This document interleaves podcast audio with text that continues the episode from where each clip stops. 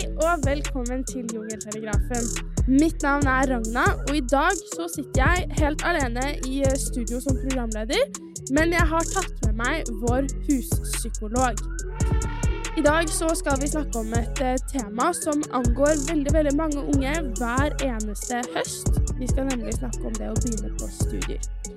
Og innimellom så tenker jeg, det har jeg tenkt flere ganger, skal jeg ærlig innrømme, i løpet av de siste to månedene hvor jeg har studert, hvordan skal jeg overleve studiene?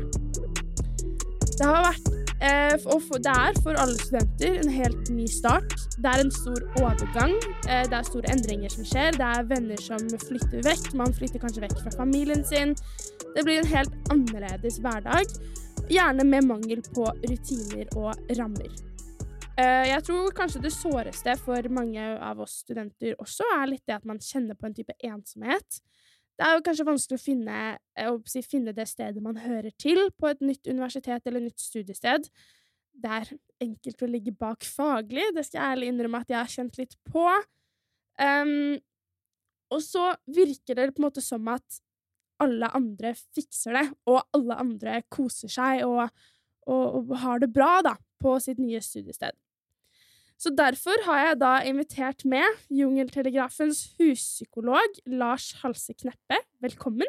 Tusen takk. Du jobber som psykolog ved flere videregående skoler i Oslo. Eh, og er eh, blitt min go to eh, podkastpsykolog når livet blir litt trøblete. Eh, du har laget flere episoder med oss tidligere og skrevet bøkene I hodet på en tenåring en ungdomstid på vent, og sykt flink. Hvis du alltid kan bli litt bedre, blir du aldri god nok. Aller først, Lars, så lurer jeg på hva vil du si til alle de som ikke har funnet plassen sin på studiene, eller for så vidt i klassen sin på videregående, for den saks skyld? At det er helt normalt. At kanskje særlig det å begynne på studier, det er en av de største overgangene du skal ha i livet ditt. Det er en periode i livet da du veldig mye, mange rammer forsvinner, mange ting skal gjøres på nytt. Du begynner helt på nytt.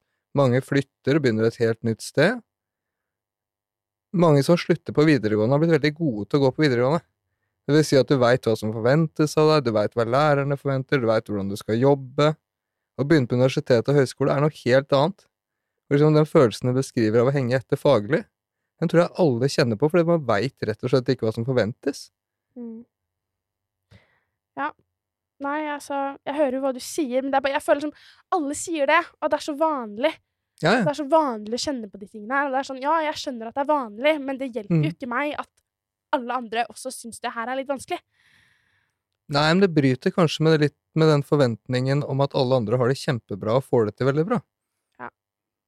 Det. Kanskje. Men så er veldig mange av de tingene jeg sier, er veldig mye lettere å si enn å tenke og gjøre når det kommer til en selv. Så det er irriterende nok å høre. Ja.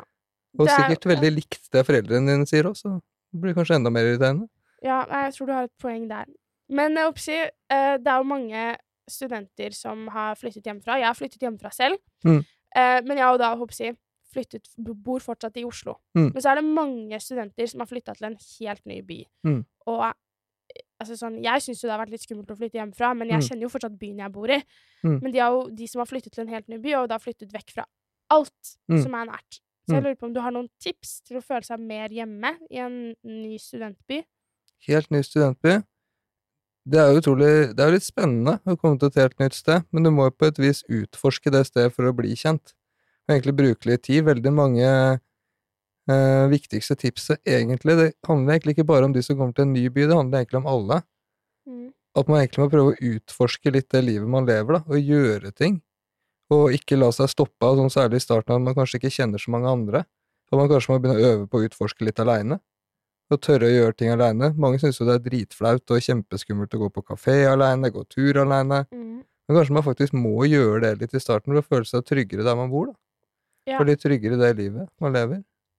Det er faktisk litt interessant, det du sier nå. Fordi da vi, Sist vi spilte en episode sammen, så sa du til meg at jeg måtte øve på å gå på kafé alene og gå en tur alene og sånne type ting. Har du gjort det? Eh, ja, men nå har jeg blitt skikkelig, skikkelig god på det, faktisk. Ja. Jeg er dritflink til å sitte og studere alene. Jeg er dritflink til å sette meg på en kafé, alene med mm. Mac-en min og en kaffe, liksom. Mm. Eh, men problemet er jo litt det at jeg blir helt gæren av å være alene hele tiden. Fordi nå har hele vennegjengen min fra videregående har, eh, flyttet vekk. Mm. Um, det er på en måte det som, var, det som var mine trygge rammer fra videregående, har jo forsvunnet helt. Nå har Mm. jeg begynt på et helt nytt sted. Uh, og begynt å studere på et campus som er dritsvært. Mm. Og det er vanskelig å navigere seg. Uh, og så har jeg på en måte kjent litt på det at sånn, det er det er nesten mer behagelig å være alene. Sånn Mm. vite at sånn OK, i dag skal jeg sitte alene, enn å komme til et sted. Fordi da må jeg på en måte prøve å finne andre mennesker å være med. Og Mm. det er mye skumlere enn det å sitte alene i en, rundt masse andre mennesker. Mm.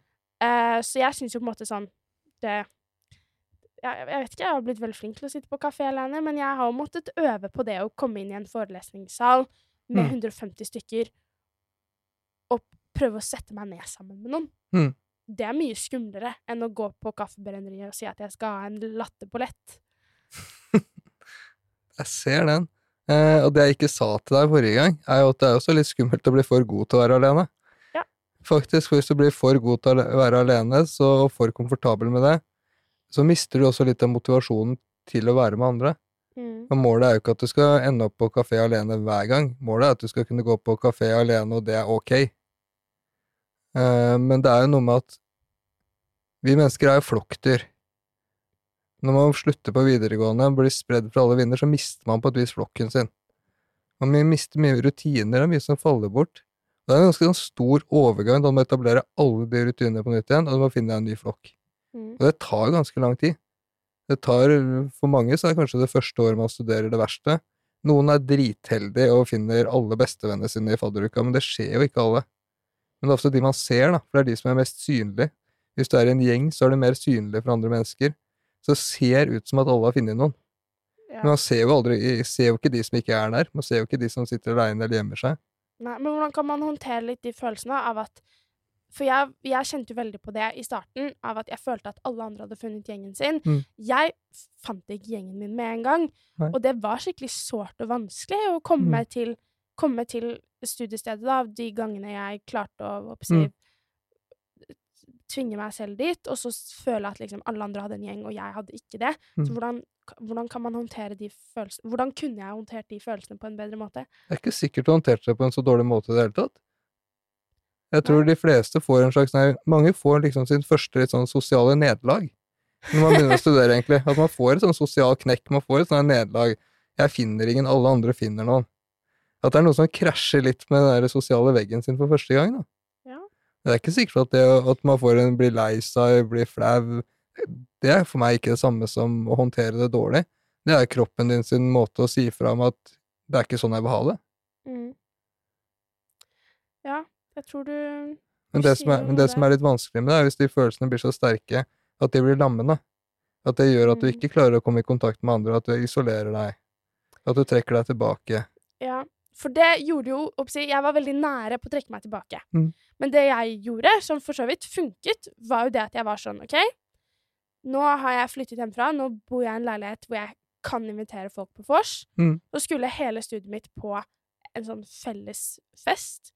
Og så sa jeg den uka, så var jeg sånn Jeg kan ha vors hos meg.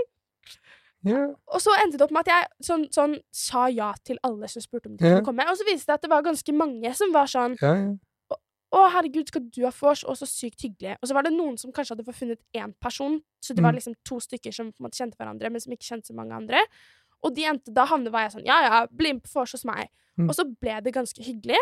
Mm. Og så hadde jeg en vodkaflaske i skapet mitt, så da sa jeg løp, da, sånn, da det vorset på en måte hadde kommet litt i gang, så var jeg sånn ja, ja, dere! Nå må vi gire opp her. Og så tok jeg fram Ja. den vodkaflaska, og så delte jeg ut shots til alle. Så eh, jeg fortalte om det til Monica, og hun mente at jeg hadde kjøpt meg venner med vodka. Ja. Det er jo Men- kjempesmart. Det var sånn jeg håndterte Ja, det. ja, få. Men hvis det, men hvis det ikke koster- mer å få deg venner, flere venner enn én flaske vodka, så er det vel anvendte penger. Ja. Tenker jeg, da. Eh, men viktigere enn vodkaen, du var modig. Du viste mot ved å invitere mennesker du ikke kjenner hjem til deg. Og Mm. det er faktisk veien ut av det. Man må være modig. Ja. Fordi det krever mot. Du, du er på et sted nå i livet der det er masse mennesker som har lyst til å bli kjent med noen, men som syns det er dritskummelt, syns det er dritflaut å bruke alt de har av krefter på å skjule at de ikke har noen. Mm. Og prøve å se opptatt ut, prøve å se uinteressert ut, prøve å, si at det er, prøve å se fornøyd ut, egentlig, Mm. mens de egentlig bare vil bli kjent med noen. Ja. Så alle trenger at noen rundt dem, om de ikke klarer å gjøre sjøl, tar det, viser det motet, da. Og faktisk går og inviterer noen inn. Så det er dødsbra jobba. Mye viktigere at du inviterte dem enn at du hadde vodka. Det hjalp sikkert med vodkaen, jeg skal ikke ljuge. Men det største Ja. steget var i det øyeblikket du inviterte noen inn. ja. Og det er dritmodig. Bra jobba. Tusen takk! Herregud, jeg var skikkelig redd jeg bare skulle få kjeft i dag. Nå Ja, ja. Dette, her, ble... nå ble det, dette ble en bra Ja. dag! Men um, for jeg har også tenkt litt på det her i forkant av denne episoden. Litt sånn, Hva er det som gjør at jeg får en bra dag på campus? Mm. Og spesielt i starten, hvor jeg ikke hadde lyst til å dra engang, så var jo på en måte bare det at noen smilte til meg og sa hei, gjorde Mm. at jeg kunne gå hjem og tenke at vet du hva, de fire timene jeg brukte eh, på å studere så, sånn, på studiestedet i dag, det var, det var, en, det var Mm. en, en god avgjørelse. Fordi det var én person som jeg hadde snakket med tidligere, som så meg i gangen og smilte og sa 'å, hei'. Mm. Og det har jeg på en måte tenkt litt på, at det er sånn Og jeg, jeg tror jo liksom at vi nordmenn er ganske dårlige på det, å si hei til folk. I hvert fall sånn Jeg har hørt det hele oppveksten at sånn åh, du må, ikke, du må sørge for at du ikke blir en sånn person som ikke sier hei, har mamma alltid sagt til meg. Mm. Så da har jeg tenkt sånn Ja, det er veldig enkelt å si at man skal si hei til alle, men det er jo litt skummelt å være den personen som blir sånn, er- sånn superenergisk og ser noen inn i øynene og sier hei når man går forbi dem i gangen. Men Mm. kanskje det er litt det motet du snakket om, da? At vi må bli bedre på å gjøre det. Absolutt. Ja, For, det, for at et miljø skal fungere, så trenger man at noen er sånn. Man trenger at noen bryter den stillheten, den, der, den avstanden som- som er mellom mennesker. da. Mm. Uh, og vi mennesker, nordmenn, vi er ræva på det der. Vi er elendige til å si hei. Vi går og unngår å se hverandre i øynene hele tiden. ja. Men, når du, men det er veldig fint at du, får, at du har den opplevelsen av at dagen din ble bedre av at noen sa hei til deg. For det kan jo også være en inspirasjon for at du skal gjøre det til andre. Når det Mhm. betyr så mye. For det er liksom sånn Det du egentlig forteller, det er utrolig kult, for det er, det er en veldig vanlig historie, på et vis. Og det positive for deg er at det som betyr at det er som regel kommer til å gå ganske bra. For ofte er det sånn i starten det er tøft, og så får man liksom noen, en litt sånn knekk, og så får man noen positive opplevelser, ganske små, som at noen sier hei og sånt. Mm. Men når det først begynner å gå bedre på et studiested, så går det ofte så fort fram til å gå veldig mye bedre. Ja. Det er så sjukt mye lettere å bli kjent med flere enn den første. Ja, ja det, er et veldig, det er et veldig godt poeng. For det kjente jo jeg veldig på, at med en gang jeg, med en gang jeg på en måte ble litt kjent med noen Mm. Og så merket jeg også at sånn som den, nå har jeg kommet inn i en utrolig hyggelig gjeng, hvor jeg også merker at det er flere andre som er gode på det å si sånn Å, vi må bare invitere. Mm. Og som er flinke på det at sånn man har alltid plass til en ting, en, nei, Mm. en person til. Og det Mm. syns jeg er skikkelig hyggelig. Litt den derre den, I hvert fall den kulturen som jeg på en måte følte man kunne ha litt på videregående. Var å være sånn 'Å nei, det er ikke plass'. Den har, har ikke jeg kjent på noe nå. Ja, så motsatt russebusskultur, det er supert. Ja, Ja. Jeg syns det er så deilig, jeg. Så det eh, har på en måte kanskje vært eh, sånn Det er jo i hvert fall kjent litt på at sånn, det viser i hvert fall at det går riktig vei. Det er utrolig hyggelig å høre, for jeg sier alltid til elevene på videregående at det blir bedre etter videregående. Og at folk er mer inkluderende Hadde du sagt det til meg for tre uker siden, så hadde jeg ledd. For det Ja. vært så komisk feil. For jeg følte jo ikke det. Og det var, men, men grunnen til at jeg ikke følte det, var jo også litt fordi at hele det, min på en måte faste, bra gjeng fra videregående flytta vekk. Mm. Jeg var den eneste som ble igjen i Oslo. Um, Forresten et veldig modig valg av deg. takk, det syns jeg også. Jeg angra. Men, jeg har, men det, det har jeg jo. Det var dritskummelt. Altså, sånn, jeg var den som var sånn Nei, jeg syns Oslo er fett, liksom. Og, og nesten alle vennene mine fra videregående syntes var skikkelig lei av Oslo, ville prøve noe mm. annet. Men jeg hadde veldig behov for liksom, litt den tryggheten som jeg følte at det å bli boende i Oslo ga meg, da. Mm. Og det har jeg, så nå er jeg veldig fornøyd med det, og så blir, føler jeg også litt at jeg har blitt kjent med Oslo på en litt annen måte. Mm. For, nettopp fordi at den, de der veldig rigide rammene man har på videregående, er jo ikke her lenger. Nei. Så jeg kan jo gjøre Jeg kan jo gjøre litt som jeg vil. Mm. Og det er jo stas. Mm. Men det har en bakside. Det har det. Um, fordi det Jeg har jo ingen struktur som noen andre har gitt meg på hverdagen min nå. Nei. Det er ingen fraværsgrense som tvinger meg til å gå på forelesning. Um, det er altså sånn i starten, helt på starten av, av studieåret Sitter du og savner fraværsgrensa, er det det du sier? Ja. Fantastisk. ja Det håper jeg mange får med seg. Men altså, sånn, jeg skal helt ærlig, det har jeg, jeg har gjort det litt fordi det er, altså sånn, det er nesten som at roomien min har blitt liksom min fraværsgrense. Ja. Fordi hun har måttet Og det er liksom all kred til henne. Har tidvis liksom tvunget meg litt på forelesning. Det var en uke hvor hun var, eh, hvor hun var på ferie i Spania, liksom. Og jeg ringte henne på morgenen. Jeg ringte henne på FaceTime og var sånn Ingrid Og da, da jeg, sto, jeg sto i pysjen i stua vår, liksom, og ringte henne på FaceTime og var sånn Ingrid, nå er klokka, nå er klokka ni. Jeg har forelesning om en time. Hvis jeg begynner å sminke meg og går i dusjen nå, så rekker jeg den forelesningen med veldig grei margin. Men så var jeg sånn Men, men må jeg på forelesning? Mm. Og så er hun sånn Ja, altså, du kan jo dra for å få både faglig og sosialt utbytte, da. Og så liksom ser jeg på henne, liksom, og så er jeg sånn Ja, men altså Jeg har ingen venner på studiet, så jeg får ikke sosialt utbytte, og jeg skjønner ikke noe av foreleserne mine, så de klarer ikke å lære meg noe som helst. Nei. Og da var hun sånn Ja, hvor mange forelesninger har du vært på, egentlig? Du har ikke vært på så mange, så det er ikke så rart du ikke kjenner noen. Og så var hun sånn Ja, og så kan det jo kanskje hende at disse menneskene som er jusprofessorer, klarer å lære deg noe om juss. Mm. Da var jeg liksom Ja, kanskje. Så det var sånn Hun ga meg veldig det jeg trengte, da, og tvang meg litt på forelesning. Mm. Så det hjalp jo, det. Men jeg lurer litt på sånn Jeg kan være Jeg kan jo ikke i fem år være avhengig av at hun jeg bor med, skal tvinge meg til å dra på forelesning. Så jeg lurer litt på om du har noen tips and tricks til hvordan jeg kan håndtere at jeg har mistet alle rutinene i hverdagen min. Eh, viktigste først. Så gøy at du har mista alle rutinene i hverdagen din. Det er sunt for deg. Det er en veldig sunn opplevelse for deg når du hatt strukturer og rammer gjennom hele livet ditt som er satt av andre som du har levd innenfor, og tidvis irritert deg over. Kjempesunt at du får eksperimentere med et liv uten rutiner. Jeg har null tro på at du kommer til å fortsette å leve et liv uten rutiner i mer enn maksimalt sju måneder til. Men det tar litt tid å etablere dem. Det tar litt tid å finne ut hvilke rutiner du liker, hvilke rutiner som passer deg. For det, det å begynne å studere når rutiner og rammer forsvinner, det gir muligheten for å begynne å eksperimentere. Og den eksperimenteringa er ekstremt sunn, for det er da du egentlig finner ut hvilke rutiner og strukturer du er komfortabel med, hvem som er dine. Mm. Og for nesten alle så innebærer det at man først overdriver i den ene retningen, så i den andre, og så finner man balanse. Først skal ikke på noen forelesning, skal ikke lese en dritt, og så er det å overlese herfra til månen, og ha så mye og trene sju ganger i uka og spise til det og det tidspunktet, og det blir så mye rutiner. Mm. Og så fin- lander du et eller annet sted midt imellom. Ja. Nesten alltid så handler det der om å begynne å eksperimentere, og vi er så ekstreme når vi eksperimenterer i starten. Ja, jeg har nok vært litt Eller sånn, jeg drar jo forelesning, men jeg må på en måte tvinge meg til å dra på forelesning.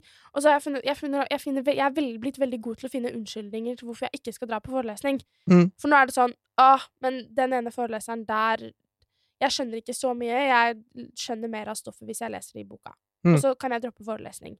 Mm. Eller sånn Nå de siste ukene så driver de og øh, sånn, gjør veiarbeid på trikkeskinnene Mm. utenfor der hvor jeg bor. Så trikken er veldig ofte kan bli liksom ti minutter forsinka. Mm. Så det er innimellom at jeg har kommet fram til campus sånn fem minutter etter at forelesningen skulle begynt, og da tør jeg ikke gå inn i forelesningssalen, for jeg syns det er så jævlig flaut å komme for seint. Mm. Så da setter jeg meg heller bare og leser alene, Mm. for da slipper jeg å gå inn i forelesningssalen. Men Mm. det er sånn Er løsningen egentlig at jeg på en måte må ta meg selv i nakkeskinnet og tvinge meg til å gjøre ting? Eller Ikke se på meg sånn, for nå skjønner jeg at du skal si at jeg må ta meg i nakkeskinnet. Nei, nei, nei, du må for guds skyld ikke ta deg nakkeskinnet. Det du eh, må gjøre Du må finne ut hvordan du går på eksamen, du. Du må finne ut hvordan det her går. Kanskje det går kjempebra, og det du gjør nå funker som bare det. Kanskje det går rett i dass på eksamen, og det du tenker at nå må jeg ta meg nakkeskinnet. Ja. Men det er vanskelig å liksom ta de beslutningene og gjøre noen store endringer før man egentlig helt veit hvordan man går, da. Og det er det som er dritt med å studere, man veit faktisk ikke hvordan det går før man begynner å ha eksamener. Nei. Du har ikke prøver hver måned, sånn som du hadde på videregående i hvert eneste fag, at du hele tida kan justere arbeidsinnsats. Nei, det er jo det som er så rart. Og så, så syns jeg det er rart fordi at Altså sånn det Jeg har jo vært Jeg var skikkelig flink pike. Gjennom Hele, altså sånn hele skolegangen min. Jeg, jeg var skikkelig sånn flink pike i 13 år. Var på sånn, Aldri noen som skulka og litt sånne type ting. Og nå er det sånn Er det nå du har ungdomsopprøret ditt? Ja! Ja, så bra. Men jeg syns det er skikkelig skummelt. på tide. Det var sannelig på tide at du fikk det, da. Kjempebra. Ti av ti. Ja, ja, OK. Kan ikke du si det til moren min også? Ja, ja, det Dette er litt bra. Men jeg er helt sikker på at det opprøret ditt ikke varer evig. Det er, det er jeg ganske trygg på. Ja, Nå skal jeg være et tips, da, for at du kan gjøre det bedre på studiene dine. ja. Jobb mer sammen med andre, istedenfor å sitte aleine på lesesalen. I hvert fall prøv å få ei kollokviegruppe og les sammen med andre. Okay. For da veit du mye mer hva andre kan, og hvordan du ligger an. Det er liksom den tryggeste måten å faktisk vite hvordan man ligger an, er å jobbe sammen med andre. Det er den beste måten å forsikre seg på at man omtrent har fått med seg det man skal. Ja. Og det er også nøkkelen til å ofte få det bedre sosialt, at man får gode mennesker å jobbe sammen med. Mm. Og det er et stort skille fra videregående. Ja, det er et godt poeng. For det er jo litt det jeg syns har vært vanskelig også. At sånn, men riktignok på det studiet jeg går på, så har de vært veldig flinke på sånn De har satt oss inn i arbeidsgrupper og sånn, så vi har gjort mye gruppearbeid. Og det fører også til at det er på en måte til en viss grad enkelt å bli kjent med folk. Men jeg syns i hvert fall det er veldig vanskelig å gå fra den at ja, OK, nå skal vi sammen skrive denne oppgaven om kontraktsrett, og så skal vi gå derfra til at man kan komme til et sted hvor det er naturlig å si Å, skal vi Skal vi lese Skal vi lese metode sammen i morgen, liksom? Mm, det krever mot. Ja, jeg syns det er skikkelig skummelt. Det er skummelt. Det er jo Det du beskriver der, er jo egentlig motstykket fra videregående, det å gå fra å være skolevenn til å finne på noe på fritida. Ja. Det har jeg faktisk ikke tenkt på. Og det er jo den overgangen veldig mange syns er kjempeskummel på videregående. Mm. At man kan snakke sammen på skolen, men den terskelen for å spørre om man skal finne på noe etter skolen eller i helga, den er kjempestor. Mm. Men jeg tror den er lettere nå som du studerer, for jeg tror de du spør, kommer til å bli veldig mye mer glad for at du spør, enn det de ble på videregående. Ja, fordi alle er i litt den situasjonen at de Ja. Ja. Så egentlig så må jeg bare ta meg sammen og spørre om folk har lyst til å studere sammen i morgen også, liksom. Og hvis noen sier nei til det uten at de har en god grunn, så er det deres problem. Ja. Lame. Faktisk. Ja, OK, det gjør det jo litt eh, enklere å eh, Gjør det litt enklere å ta det med videre, liksom. Ehm, Lars, jeg føler vi har snakket om veldig mye viktig Jeg, føler, jeg vet ikke helt. På en eller annen måte så føler jeg litt at uh, jeg har fått litt skryt i dag. Jeg har fått litt sånn Å, du må Du har fått velfortjent skryt i dag. Tusen takk. Og så har jeg fått litt beskjed om at jeg på en eller annen måte må fortsette litt med det jeg har gjort før, og fortsette å tørre å invitere folk på, Mm. på vors. Jeg skal ha nytt vors i morgen, så kanskje jeg egentlig bare må kjøpe en ny vodkaflaske. Det må det du her nok da. så bra. Um, og så um, har vi jo snakket litt om det her med å føle at man er ensom, Mm. og at det er skummelt at man har mistet Eller ikke mistet, men gamle venner har flyttet bort, og man må putte mer innsats inn i å på en måte hva kan man si, holde på de gamle vennskapene, men så skal man også prøve å få seg nye venner Mm. som voksen. Mm. Og det er jo vanskeligere. På sett og vis ja, på sett og vis nei. OK? Eh, nå er omtrent første gangen i livet ditt du har mulighet til å få deg venner som den du er. Mm, Veldig mange av de du har hatt i livet ditt, har du hatt i lang tid, med veldig mye forventninger om hvordan du skal være, hvordan du har vært før. ja. At du, er, du står litt friere nå til å velge å finne venner som faktisk passer godt med hvordan du er nå. Det er en veldig fin ting. Eh, så tror jeg også du er i en fase der flere er åpne for å få nye venner. Én ting er jo livet ditt, du har, du har valgt å bli i Oslo, mens mange har flytta herfra. Mm, Men det er sjukt mange som har flytta der de kommer fra, for å flytte til Oslo. ja. Det er et godt poeng. Det er veldig mange som kommer til den byen her og er aleine. Ja, Ja, jeg syns det virker mye skumlere enn jeg som Mm.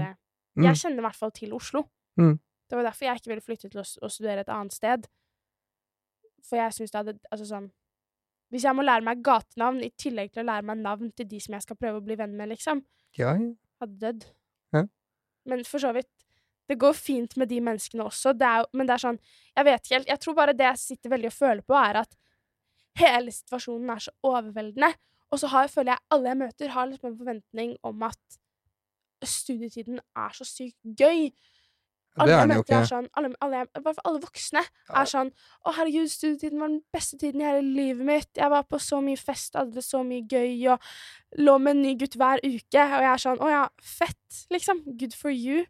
Men nå er problemet mitt er jo litt at jeg sitter her og er sånn det er, så, det er så mye jeg føler som jeg har lyst til å gjøre, og så mye jeg har lyst til å få til, men så er det samtidig sykt skummelt å skulle få til alle disse tingene fordi det er så nytt. Mm. Viktigste først. Studietiden har et ufortjent godt rykte. Det er virkelig liksom Ja, alle sier det, og foreldre sier det, så er det den beste tiden i livet. Hi, hi, hi. Det er det ikke, statistisk sett. Langt derifra. Det er ikke noe bra tid i det hele tatt. Det er den tiden i livet da flest er ensomme. Det er det største problemet med oss studenter, er jo ensomhet. Det er den mest ensomme perioden i livet. Så at det skal være den beste, veldig lite sannsynlig. Det er større sjanse for at foreldrene som sier det, er inne i sin lykkeligste periode. Hvorfor det? Fordi barna flytter ut? Ja! De har det kjempebra nå. Tenker at nå går det kjempebra med barna mine, de har det så gøy på studiene og er så letta. Så det er jo den beste perioden i livet. Ja. De er inne i sin beste periode av livet. Dere langt derifra. Men det er en spennende periode, det er en morsom periode, men det er også en skummel periode. Det er en over, overveldende, det ordet du bruker. Best, beste ordet til å beskrive det. Det er overveldende. Ja. Jeg merket det i hvert fall i starten, så var det sånn da, da folk, folk det var, For det er jo det eneste folk spør om. Det er sånn 'Åh, hvordan er det på studiet?' Ja. Og så til Som- slutt så bare begynte jeg Jeg klarte ikke å lenger si sånn 'Å, jeg syns det er skikkelig spennende'. Så jeg begynte å si sånn 'Nei, jeg syns BI er dritskummelt. Alle er kjempeskumle. Jentene er skumle å si hei til, og guttene er bare snille med deg hvis de vil ligge med deg', liksom. Mm. Det var mitt inntrykk de første to ukene. Det er bra. Hørtes hyggelig ut. Det er jo mye hyggeligere nå. Ja, jeg har ja, jo ja. merket at det er Og det er jo sånn Men jeg følte jo at Altså sånn Det var mye På en eller annen måte så var det mye enklere å tenke at Eller åpenbart, det var ikke enkelt å tenke at alt var skummelt på studiet, men det var så skummelt å skulle bli kjent med folk for at jeg kunne motvirke den fordommen jeg hadde. Mm. Sånn at det krevde såpass mye av meg. Og jeg er veldig glad nå for at jeg gjorde det, for nå har jeg jo på en måte funnet hva skal jeg si, skikkelig skikkelig hyggelige folk som jeg har blitt venn med, Mm. eh, som, det er, som, jeg det, som jeg har kjempelyst til å være med.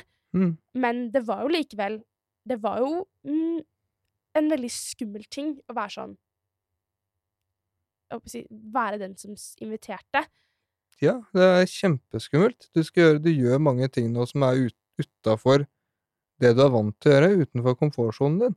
Studietida i starten er utafor komfortsonen. Alt er nytt. Nesten alt er det. Og det som skjer da, er at du går rundt med jævlig mye stress i kroppen. Som gjør at du også tåler en del av de tingene ganske mye dårligere. At du reagerer sterkere på, at du får mye sterkere følelser.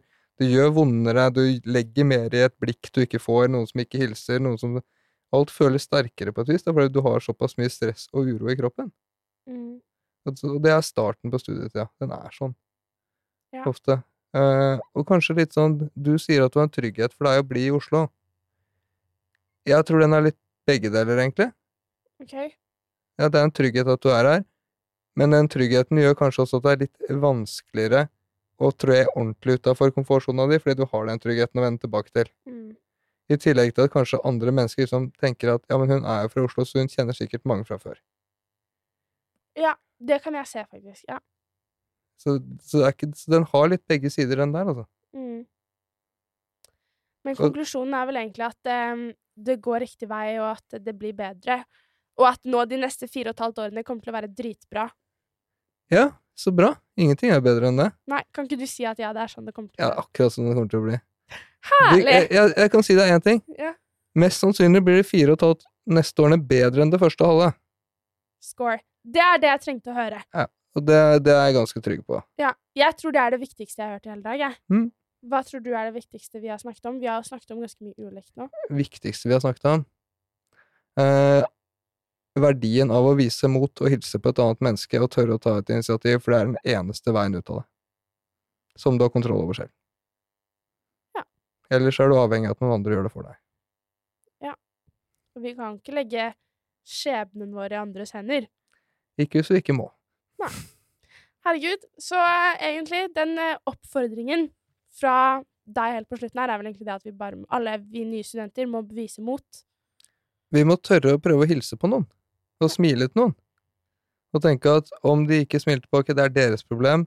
Mest sannsynlig gjør det dagen deres bedre. Vi går rundt der og er redd. Og det fortsetter vi om etter studiene til tider og sånn, når vi blir sosialt usikre. Det vi trenger, er at noen smiler til oss. Mm. Da kan man, hvis man tør, like så gjerne være den personen selv som smiler til andre, og sier hei. Ja. Det kommer også garantert til å få flere mennesker til å smile tilbake igjen til deg. Herlig. OK. Så smil. Smil Si til livet, hei. og livet smiler tilbake. Å, herregud. Oh my god. Oh, your god. Kjempebra. Ja. Smil. Inviter på vors. Server drikke. Det skulle vært en T-skjorte, faktisk. Nei. Nei. Men med det så føler jeg vi kan si tusen, tusen takk til deg, Lars, for at eh, du kom og nok en gang ryddet litt opp i eh, livet mitt og mine tanker. Um, Heldigvis så hadde du rydda kjempemye og gjort kjempemye riktig før jeg kom, så det, var en, så det var en veldig overkommelig oppgave. det, Bra er, jobba. det er godt å høre. Kan jeg invitere deg neste gang eh, vi liksom eh, trenger litt sånn psykologhjelp? Ja, men forutsatt at det ikke går fantastisk de neste fire og et halvt årene. Selvfølgelig. Tusen, tusen takk. Tusen takk også til deg som har hørt på denne episoden. Eh, alle dere som sender oss DM og følger oss på Instagram og TikTok. Fortsett med det. Eh, Lars, du har også stilt opp på tidligere episoder her hos oss. Mm. Eh, både slapp selvdisiplin, pussedag på søndager og ensomhet smikker, smitter ikke. Og, den, eh, og en som i hvert fall har hjulpet meg veldig mye, som jeg hører litt på hver gang jeg syns at ting blir litt stressende. Stress og ambisjoner. Mm. Med det, tusen takk, Lars. Ha en nydelig dag til alle dere som har hørt på. Takk for meg.